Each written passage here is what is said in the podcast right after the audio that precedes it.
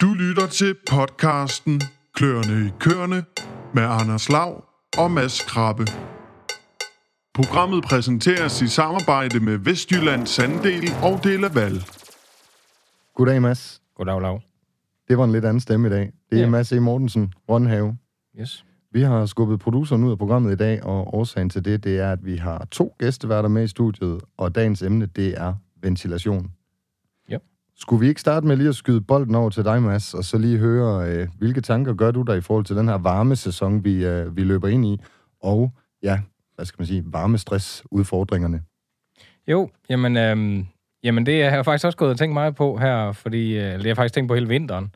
Fordi det er en stor udfordring, og, øhm, og vi producerer, som, som jeg har fortalt i tidligere programmer, jo i fem forskellige øh, driftbygninger. Mm. Og de er vidt forskellige, og de ligger også forskelligt i forhold til nord og syd, og så det er forskellige udfordringer i hver stald. Så, så det, er, det er svært for os at investere i en eller anden en, en samlet løsning. Så vi bruger en del krudt på at lære lidt hver år, og har også specialister ude for forskellige øh, firmaer løbende, sådan, øh, for at kigge på deres bud, og der sker også heldigvis noget på området hele tiden. Det jeg synes som landmand i min dagligdag, det er, at jeg synes faktisk, der sker for lidt på det her område. Og jeg synes, det får for lidt opmærksomhed. Øhm, Altså selve varme stressdelen, Ja, selv- og så selve det, eller varme- ventilationen. Ja, men også fordi jeg synes, øh, vi kan jo høre fra Arla, at mælkeindvejningen den er lavere i den periode, og altså, det er jo egentlig forhåndsfærdigt. Selvfølgelig kan vi nok ikke lykkes med at 100% at forebygge et ydelsesfald, øh, eller nogle sundhedsmæssige udfordringer, men, men, men alt, hvad vi kan gøre, skal vi gøre, tænker jeg. Øh, næste udfordring, det er, at det er lidt dyrt. Så, så vi har jo sådan noget med tilbud til at ligge på en kvart million og sådan ting, og det er sådan lidt, puh, øh, men, men vi mangler lidt at få velbeskrevet, hvad vi kan få ud af det. Det er det, vi søger lidt efter. Hvad, hvad Altså, hvad er outputtet? Ja, hvad er rentabilitet- rentabilitetsberegningen på det Mm, her? Mm. Men helt aktuelt, så har vi prøvet lidt light-løsning i år. Det var meget populært at få et vand på tagene sidste år, så vi har fået scanregn til at komme og, og hjælpe os med egentlig at indrette et, sprinklersystem. Det blev i hvert fald anbefalet ind i Malkekvæg på Facebook. Ja, der så man nogle videoer af det. Og vi gik sgu ikke lige all in med en vandingsmaskine, som var den helt store ting og sådan noget, men, men, øh, men, men vi prøver at installere et, et, et scanregnsystem, som jo bare sådan skal komme med nogle impulser, og det skal vi så indstille efter, at, at vi ikke får vand i tagrenden, men vi får bare en fordampning. Og så må vi se, om vi skal lege med at male nogle, øh, nogle tagplader eller nogle lysplader også og sådan noget. Ellers så har vi heldigvis en rigtig, en, en de andre store stal, hvor der er sandwich-tag, eller en, øh, hvad hedder det, øh, isoleret tag, og der har vi slet ikke de samme udfordringer. Der skal vi bare have lært, hvordan vi kan flytte luften på den mest optimale måde. Så det er sådan helt konkret, men ellers har jeg en masse fodringsinitiativer og sådan nogle ting, jeg kører. Jeg har varme lokker i min stald.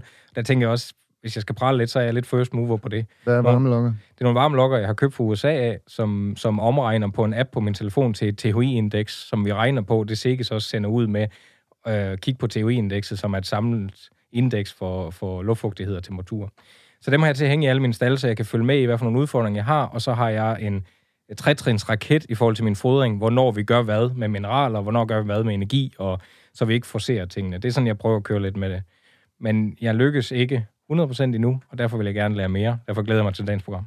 Det, er, det var en god indledning til, øh, til at sende bolden herover. Ja. Jamen, det er ikke en hemmelighed. Jeg har øh, breaket det lidt. Vi har besøg i studiet, og øh, det er jo hammer godt, du er her, fordi det er tydeligt, at du har nogle udfordringer, og lad os da om ikke andet håbe, at Thomas Poulsen og Jørgen Christensen fra Deleval, I kan hjælpe os med det.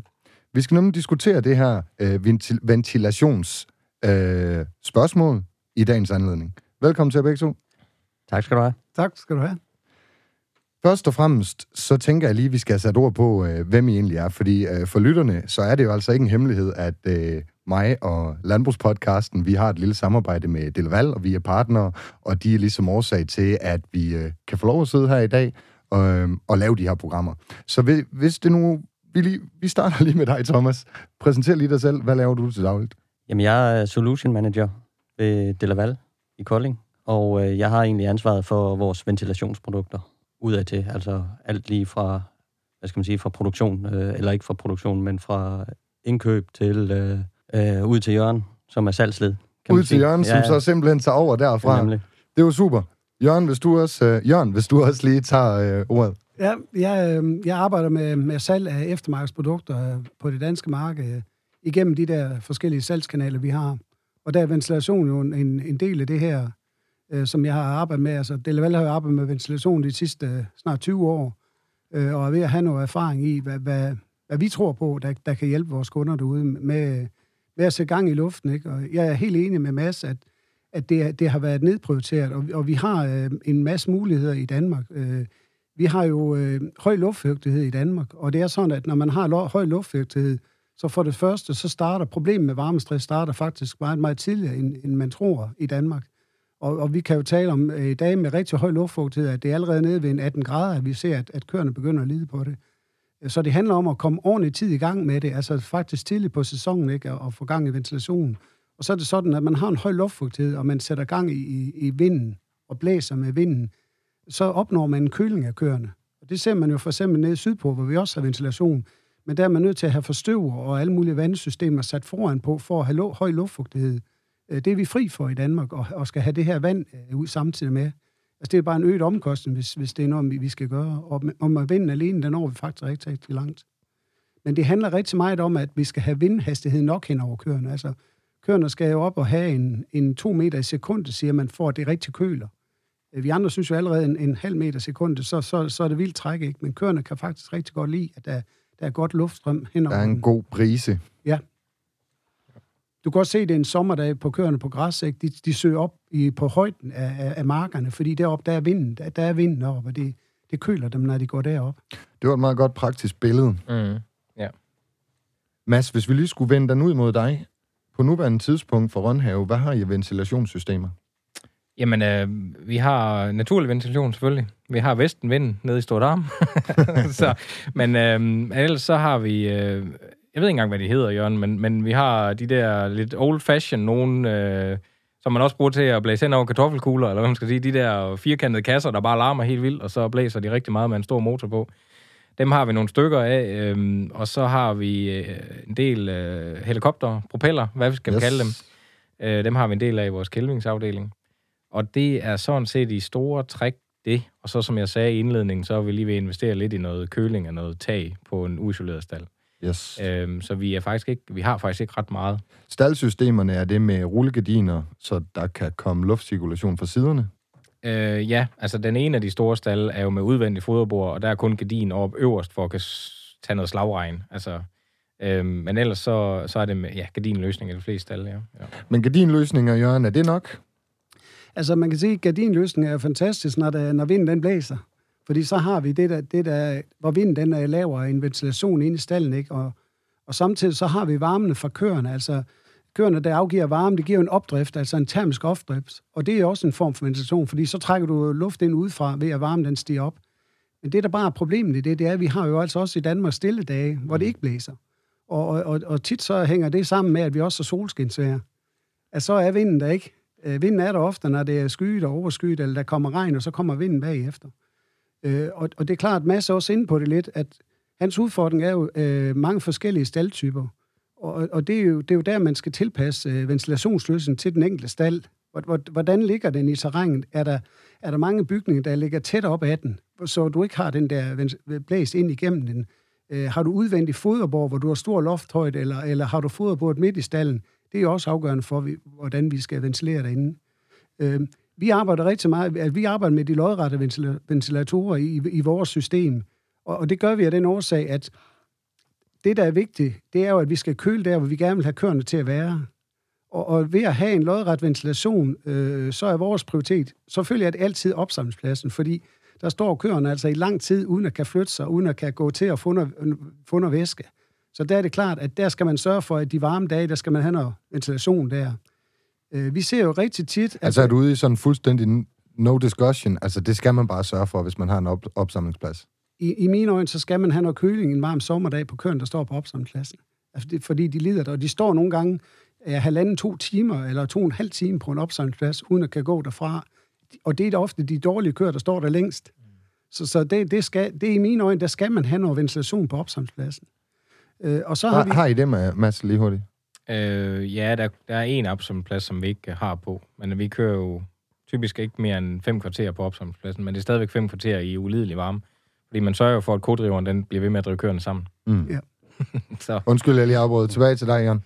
Ja, og så, så den anden, jeg, jeg prioriterer, det er jo, at, at jeg vil øh, så vidt muligt køle ned i sengebåsene. Altså, fordi det handler om, at der, hvor, hvor vi gerne vil have køerne til at være, det er, at de skal gå op og spise og drikke, men de skal ligge mest muligt i sengebåsene. Mm. Fordi der skal det være behageligt. Det er, når, de, når konen den ligger ned, at y, øh, hvad man siger, i yderne er højst, og de producerer mest mælk.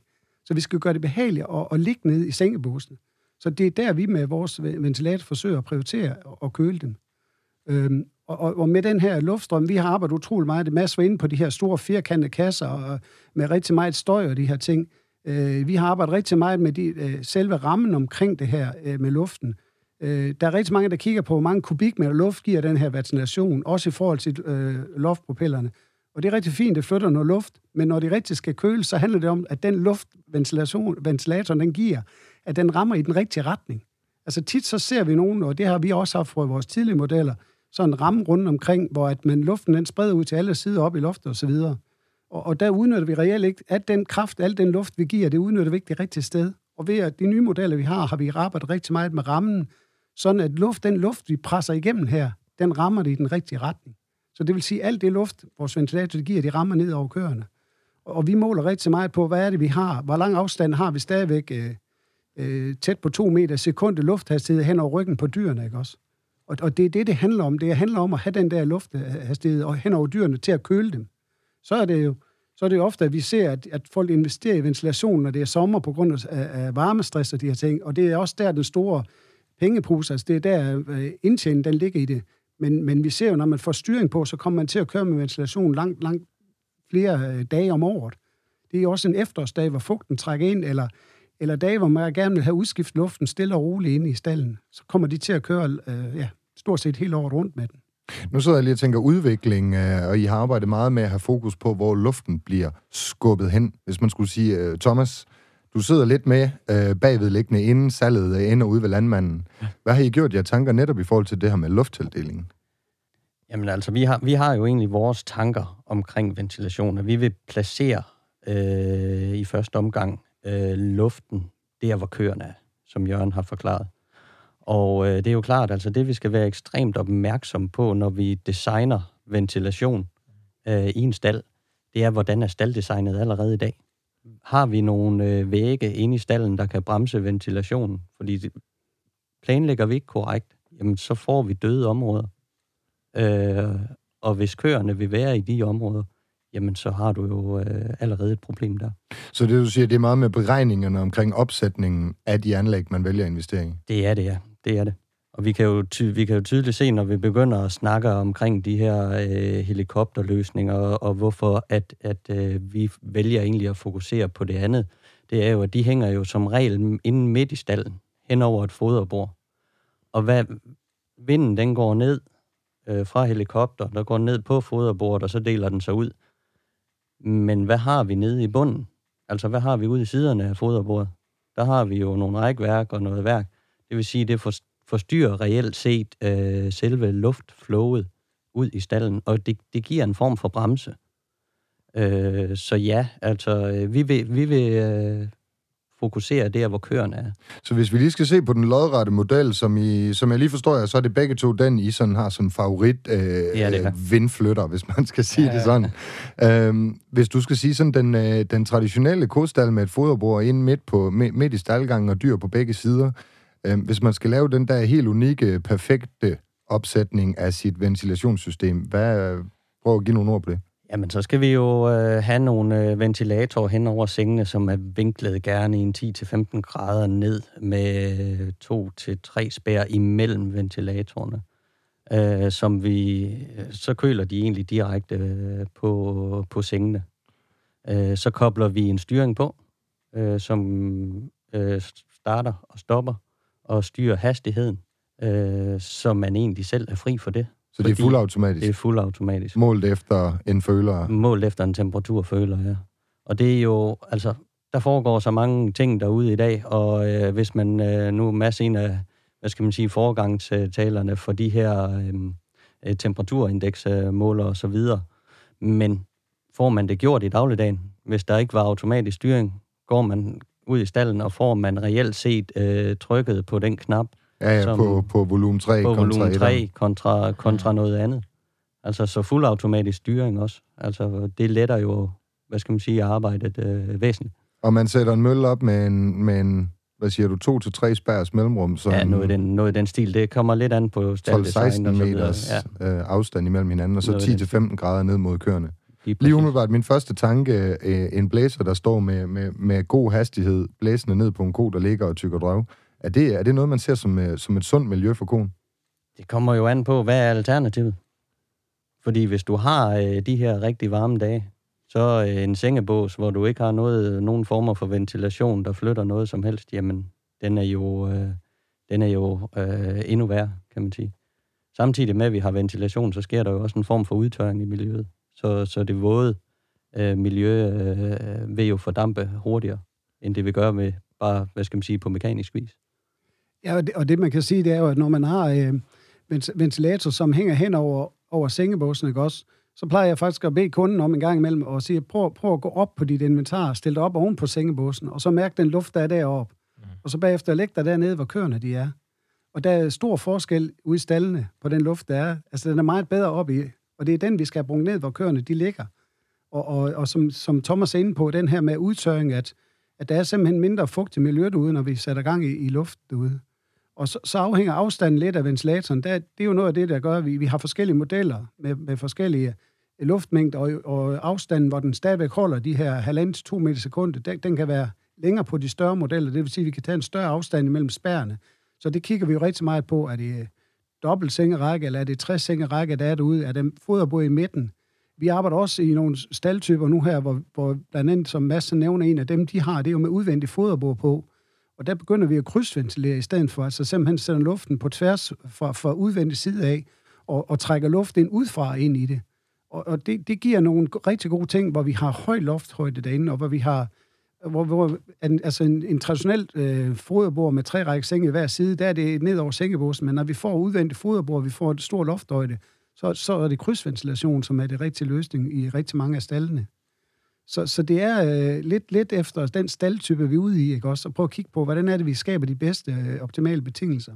Og jeg har den her holdning til, at, at øh, luften hen over dyrene, øh, og, og i forhold til, øh, Øh, at de får luft ned over sig, så er det, så er det så selvfølgelig skal vi passe på, altså en, en efterårsdag, hvor, hvor kulden den kommer, så skal vi ikke blæse kulden ned over det. Men om sommeren er det ikke et issue i forhold til, til at gøre noget med øverbetændelsen og de her ting.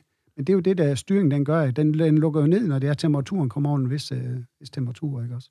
Og vi har også udvidet, øh, masser inde på det her med THI-indeks, altså vi har de store, vi har store styresystemer, hvor vi også kan måle også på luftfugtigheden og det der. Men det er, det er ikke ret mange af dem, vi har kørende, fordi vi når altså rigtig langt bare med temperaturen i, i dag. Og, og vi, der er ikke så stor forskel, heller ikke rundt i Danmark med luftfugtigheden. Altså, vi ligger der øh, i stedet mellem 60 og 85 procent luftfugtighed, så, og det ligger meget stabilt sådan helt over hele landet. Øh, så, så det er ikke... Øh, teoriindeksen, den, den kan man nogenlunde... Øh, øh, tommelfingerregel kan man skyde sig ind til det på temperaturen, ikke også? Og, og det er klart, at, at om efteråret, der starter man måske med lidt lavere hastighed, når man starter, hvor om sommeren, der går man noget mere på, når, når temperaturen den kommer, ikke, så man køler noget hurtigere. Og det kan man sætte styring til, øh, hvordan, hvad, hvad årstid det er nu, er, vi kører på. Altså, grunden til, at jeg valgte THI-indekset, det var fordi, det giver, mig et, det giver mig faktisk en indikator af, at man skal før i gang. Jeg tror, noget af det, der halter mange steder, også fra min tid som kvægerådgiver, det er, at, at vi kom for sent i gang. Så noget af det, jeg bruger THI-indekset til, det er, at min, de to mand, jeg har til at fodre, at de tager gårdsdagens statistik og bruger til den fodring, vi laver i dag. Mm, ja. Og så er vi sådan lidt foran, fordi i stedet for det der med, at vi, har, vi starter med at fodre klokken 5 om morgenen, og vi er færdige med at fodre klokken 11 om formiddagen, og så til middag, der har vi fodret, og så går det op for os. Hold op, det blev faktisk varmt i dag. Men, men altså, så, så det der, det er min erfaring nu, hvor jeg har arbejdet øh, sådan rimelig effektivt med det her varmestress de sidste to år på Rønhave, det er, vi må for gud skyld ikke komme for sent i gang. Nej. Vi skal ligesom have bygget en eller anden buffer op energimæssigt også for køerne, vi skal være med. Fordi den dag, hvor de bare sætter sig og kun vil ligge ude i liggestolen med en kold drink, der er det altså svært at få dem til at... Øh... Og så den næste ting med det med, med, med lokkerne, eller hvad man skal sige. Jeg har arbejdet med forskellige løsninger med, med sensorstyrede gardiner og sådan ting. Jeg synes bare tit, de sensorer, de blev hængt op på nogle lidt uhensigtsmæssige placeringer, som egentlig ikke fortalte ret meget om kons nærmiljø. Så de lokker, jeg har, det er sådan nogle, man bare lige stripser op, og der sidder et urbatteri i. Dem hænger jeg op i kons nærmiljø, faktisk ved sengebåsene, lige, lige i næsehøjde, tilpas langt væk fra konen til, hun ikke æder den jo, men nu får vi jo jeres i kør. Så, øh, men, men, men det er meget vigtigt for mig, at det giver en indikator af kons nærmiljø. Fordi hvis jeg hænger noget tæt på gardinet, eller der, hvor lige er praktisk for mig, så får jeg faktisk ikke et billede af, eller over foderbordet. Jeg får ikke et billede af, hvad er det egentlig, konen nemlig udsat for. Og det er jo det, altså den, lige op den diskussion med at komme ordentligt i gang, det er jo det, er jo det vi, altså, mm. ja, vi lever af at sælge, ikke også, mm. men vi, vi kan faktisk også godt lide, at vores kunder, de bliver glade for det, vi sælger. Ja, fordi det var en af de ting, Thomas han i hvert fald havde på hjertet, da vi lige øh, fik ja. en, øh, en morgenrundstykke, inden vi gik i gang. Jamen, det, det er jo det der med at planlægge din investering, mm. ikke? Og komme i gang i ordentlig tid. Øh, gør dig tankerne. Jamen, hvad er det, du møder på kontoret? Jamen, det vi jo reelt set møder, det er jo, at øh, nu begynder det at blive varmt. Og øh, så øh, finder vi ud af, at det er varmt også ude i stallen. Og øh, så skal der hænges ventilatorer op, og der skal hænges rigtig mange ventilatorer op. Og det giver en udfordring i øh, leverandørledet, i produktionsledet. Altså det vil sige, simpelthen sige, at ordren kommer midt i højsæsonen. Den kommer, kommer midt i højsæsonen, og vi har oplevet det jo øh, år på år, kan man sige jo. Øh, generelt, øh, det er jo et generelt issue, altså ligegyldigt, hvor meget vi egentlig forsøger at sætte overproduktion, så, øh, så, så, så løber vi næsten altid tør. Altså et lille tip til, der kunne være at køre en eller anden kampagne med en 50% discount der i vinterhalvåret, så tænker jeg, at du kunne få flyttet noget af, af salget der. Nemlig. Det har, det har vi også gjort. Men, men, Nå, der, men, men Anders, der, der ligger faktisk noget helt oprigtigt. Det behøver måske ikke være en 50% øh, rabat, men, men vi kan prøve at påvirke, altså hjælpe hinanden med nogle nyhedsbreve og sådan Nemlig. nogle ting. Altså, fordi det er jo faktisk, at vi, vi har prøvet, og vi er ikke i mål med nu, men vi har prøvet, og så er godt begyndt. Og, og det er faktisk at tematisere de her ting sådan lidt på et årsjul, sådan fagligt. Hvad er det for nogle emner, vi behandler, hvornår på året? Og der, der snakker vi altså varmestress i december, januar måned, og, og gerne i december, fordi der er vi sådan lige i den sidste fase, når budgetter også og investeringer og sådan noget. Øh, og, og det er der, vi prøver at involvere nogle specialister i det her, og sige, vi lærte det her, hvad gør vi så næste år? Fordi der er hele tilbuds, vi skal have fat i Jørgen, vi skal have fat i en solution manager, mm. og så skal vi også måske have en elektriker involveret, og der, der er faktisk rigtig mange steps. Hvis vi gjorde det nu her i april måned, jamen så var det måske i uh, best case, så var det jo monteret uh, i august måned, ikke? Ja. Nemlig. Så, uh, så det... Uh, Ja. Vi, vi har jo oplevet, altså vi har jo kunder, der... Jeg var på kundebesøg her i foråret, ikke også, hvor vi drøftede en af dem, som vi har kørt med ventilation, og vi har været inde og kigge lidt på, hvad er det betydet i, i hans besætning dernede, for at få det her i gang. Og så sidder han dernede og fortæller, at, at lørdagen i påsken i år, der startede hans ventilation. Mm. Og det er, han, han har aldrig nogensinde forestillet sig, at han ville have startet det i, i, i, i påsken, ikke også? Så påske lørdag, hvor vi har solskinsvær, der startede ventilation, og det kørte fuld blæs. Mm. Og det viser bare, at vi skal rigtig, rigtig tidligt i gang. Og det har været luftfugtigheden, der er høj, og så kommer, så kommer de ting der. Altså, jo højere luftfugtighed, jo før skal vi i gang. Så hvis vi skal samle lidt op på sådan dagens snak omkring det her ventilationssystem. Hvad, øh, vi går den varme tid i møde nu. Hvad skal vi sådan, Jørgen, Jørgen hvad er helt konkrete på, inden varmen den kommer? Hvad, hvad skal vi forholde os til, helt konkret? Altså, vi skal kigge på, på, på den stald, vi er ude i. Altså, den, den, altså ude ved Mads, vi skal kigge på de fem forskellige stalle, og jeg tænker, vi skal have, måske ikke fem forskellige løsninger, men vi skal i hvert fald kigge på den enkelte stald, og sige, hvor er det, hvor er det, vi, vi, vi skal installere det her, og hvordan er det, vi får den rigtige mængde, så vi får den rigtige lufthastighed hen, hen i den her stald. Øh, og komme, og komme i gang i ordentlig tid, ikke også? Og få, øh, få øh, etableret det, den, den optimale luftstrøm ned igennem stallen, sådan at de her ventilatorer, de kommer op og kører øh, automatisk, og de kommer op og kører, altså, det er jo, vi er jo, som Mads siger, vi er på bagkant nu her. Mm. For, fordi det kommer, en varme kommer nu her, ikke også? Og, det, og, og vi, der vil være dage allerede nu, hvor vi skulle have været i gang med at ventilere. Så, så det er at kigge på den enkelte kunde, den enkelte stald, hvor er det, han har dyrene henne, der, der, der køler, hvordan er opsamlingspladsen, hvordan er ja, hvordan er stallindretten? Hvordan ligger stallen i forhold til, til vindretten? Altså, hvor, hvor er den i, hvor er nord og vest henne i stallen? Vi, vi skal arbejde med, vi, vi skal arbejde med vinden, der kommer, den naturlige vind, der kommer ind igennem stallen, skal vi arbejde med. Vi skal kigge på, er der nogle steder, hvor der er høje træer? Øh, ja, der har mange, der har læbælter tæt på deres stald, hvor jeg siger til dem, hvis jeg var dig, så ville jeg korte den der læbælt ned. Altså tage, tage læbælten med, eller, eller klippe den ned, ikke også? Øh, vi snakker også, en god idé er jo samtidig at kigge på din vandforsyning ud i stallen, fordi når vi har når køerne de lider med varmestress, så skal de også mere vand. Hvad kan vi gøre? Kan vi stille ekstra vandkar ind om sommeren, eller er der andre ting, vi kan gøre? Så, så vi plejer at komme hele vejen rundt om det her. En ting er ventilation, men hvad er det ydover ventilation, vi kan gøre, ikke også?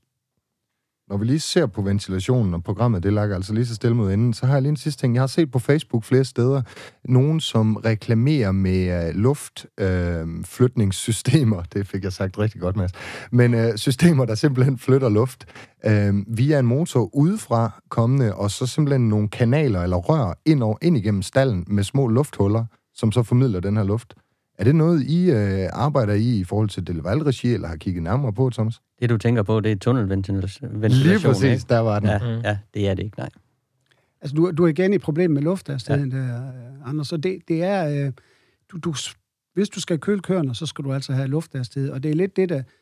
Der, der var for, for år tilbage på kvægkongressen, var der nogle rigtig fine indlæg, både med erfaring fra USA og erfaring fra Danmark af, og hvor der var lavet øh, med, med, med de her forskellige typer ventilation, også øh, det store propel der, at du, du har ligesom luften, den fordeler sig, det er jo en røgkanon, det er sat op, luften den fordeler sig ligesom i en firkløver, og det vil sige, at du har fem døde punkter altid inde i en stald, hvor du har for luftventilation. Og, og øh, ved, at, ved at sætte de lodrette op, jamen så kan du centrere luften der, hvor du, hvor du gerne vil flytte den. Det vil sige, at du kan styre luftstrømmen. Det var, begge, begge eksempler var jo, deres erfaring var jo, at vi skulle gøre det her. Og så snakker de rigtig meget om lufthastigheden. Og, og min udfordring er rigtig tit, at, at vi ser øh, også ventilatorer komme øh, ud fra Asien af, og de, de kan præstere en hel masse luft, indtil vi sætter dem i en lufttunnel, øh, øh, så, så kan de ikke præstere det, som der er opgivet udefra. Og vi, vi ser nogle gange, at, at, at vi er ikke den, der har den største kubik med luft, vi flytter, men, men, men for mig der er det lufthastigheden på, på 19 meter afstand, der ved jeg med, en, med den mindste af mine, der har jeg halvanden meter sekundet. Og det vil sige, at jeg skal arbejde med de der, som, som, som han siger, vi, vi ligger på omkring 16-17 meter. Det er det maks, vi skal op på med afstand mellem ventilatoren, når vi kører ned igennem stallen. Og, og det er lufthastigheden, og det er den, vi skal have fokus på, når vi skal køle kørende. Så kan du have luftudskiften, og, og der er ingen tvivl om, at, at den her tunnel, den skifter nu luft, og du får frisk luft ud fra ind. Det er der rigtig meget godt i. Det kan bare ikke køle køerne, når det rigtig bliver varmt.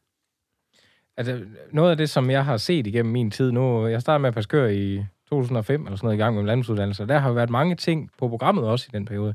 Og så lige øh, noget, der kom på et tidspunkt, det var jo lidt ligesom, når man går i Bilka i frugtafdelingen med vandforstøvning.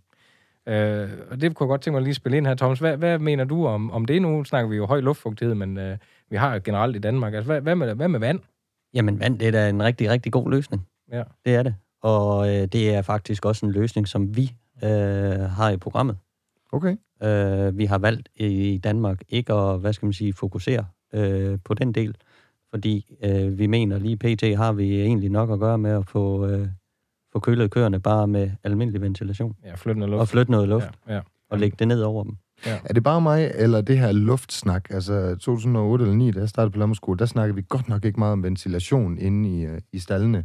Hvorimod nu her de senere år, hvor klimaet måske af en eller anden årsag er blevet lidt mere ekstremt, eller vi har større varmebølger, eller vi har større regnbølger. Mm. Øhm, er det ikke de senere år, vi virkelig i Danmark har fået fokus på den her ventilationsdel? Jo, det, det har vi fået, og, og det, det, det burde have været kommet lang tid, fordi allerede da du gik på landbrugsskole, der skulle de have ventileret de stalle der. Ja. Fordi det er, når luften er står stille, så har du ingen uh, naturlig ventilation inde i stallen. Og dyrenes opdrift, det giver ingen køling. Og det, der sker også, jo mere varme køren de får, så den ene sted, køren de kan svede, det er ud igennem munden. Så de, de ånder jo øh, fugt ud i, i rummet. Ikke? Det vil sige, så bliver din luftfugtighed, den bliver højere, jo varmere de har det, jo højere bliver din luftfugtighed, fordi køerne afgiver en masse varme, en masse fugt til luften. Så bliver problemet faktisk endnu større med at få den kølet, ikke også? Så det er sådan en ond spiral, man kommer ind i. Ja. Og, og det, man ofte ser, det er jo det, altså der skal kun to-tre dage til med, med, med, med temperatur over på 18-20 grader med høj luftfugtighed, så ser vi det på køerne. De lider under det. De, de æder og spiser mindre, de giver Mm. mindre mælk. Og, og, det, og det tager ikke andet nogle dage for at ødelægge det, men det, det går altså måneder, før man har samlet det op igen. Altså, før du er tilbage på samme niveau, der, der kan det jo gå 3, 4, 5 måneder. Jeg har jo kun været snakket om et halvt år, før de var tilbage på samme niveau. Og det er den store pengemaskine. Det, det er altså... Hvis man kigger på investering, der er betalt hurtigt hjem, så er ventilation... Ja, Mads, det er rigtigt. Det koster nogle penge at få Mm. ventileret. Det ved jeg godt, og der er en elektrisk regning oven i det her. Mm. Men det er noget, der ret hurtigt betaler sig hjem igen. Vi, vi, ser, vi ser næsten ingen nedgang. Vi, vi ser fedtstof protein, hvor de holder dem på næsten samme niveau. Vi ser færre kolibakterier. Mm. Mm. Altså, der er så mange ting, der, der tæller i pengegassen her. Og så er det mega irriterende at, at arbejde fra januar af på at få så høj en ydelse, inden varmen den kommer. Fordi man ved, man skal have lidt Den på, bliver bare på, slået på ihjel. Ja, det, er, det er bare irriterende. Og nu har vi jo Ja. Robert Jensen på besøg også fra, fra Delaval tidligere. Han snakker om, at Danmark er jo et meget, meget effektivt land. Øhm, og vi har helt setup'et, så er det jo egentlig dumt ikke at tage de næste de der to måneder med også og prøve at se, om vi kan være så effektive som muligt. dem også, ja. Ja, fordi det er jo bare to måneder ud af et år, som, som mange landmænd går glip af noget, og særligt os, altså det er, det er jeg ked af. Altså det, det kunne være rigtig dejligt lige at holde de der på kilo mælk der. Ja, vi holder køerne mere, altså i Danmark holder vi jo køerne meget inde, ikke også? Mm. Mhm. Det, det er økologer og nogle enkelte andre, der har køerne ude på græs. Det var Mhm. det, man gjorde i gamle dage, ikke? Mm. Der var de derude og få noget vind, når det var, det var, det var varmt, ikke også? I dag, der holder vi køerne inde, Og det gør, at hvis vi skal lave de optimale betingelser, og det er jo det, vi kigger på komforten sådan generelt set, mm. øh, hvordan køerne de ligger og går rundt i stallene, og hvordan man ventilerer og kobørster de her ting, det, det er det, det handler om. Det er, det er at skabe et godt miljø, der hvor køerne de skal være trives. Men, Altså, de, de skal præstere helt vildt hver dag, mm. så skal de også have det godt. Men selv for en økolog, da jeg var økologirådgiver, der introducerede vi jo noget, der hedder siesta-afgræsning. Og det er jo simpelthen for at afgræsse der, hvor der ikke var de varme perioder, for også at få et foderoptag på marken. Så skulle stallen jo igen være super komfortabel. Når det var allervarmeste periode, der prøvede vi at holde køerne inde. Så det er jo lige så aktuelt, om så var køerne ude. Fordi apropos de varme tider, når vi, vi har en ekstrem varme i 14 dage, 3 uger, det er fandme også hårdt. Sorry, undskyld, jeg banner. Det er meget hårdt for en økologisk kurs. Drenge, tiden den øh, går, Ja. og vi, øh, vi har ikke mere tid. Jeg vil sige øh, tak for dialogen, diskussionen i forhold til den her ventilationsting, og så øh, til lytterne derude. Tusind tak, fordi I lytter med.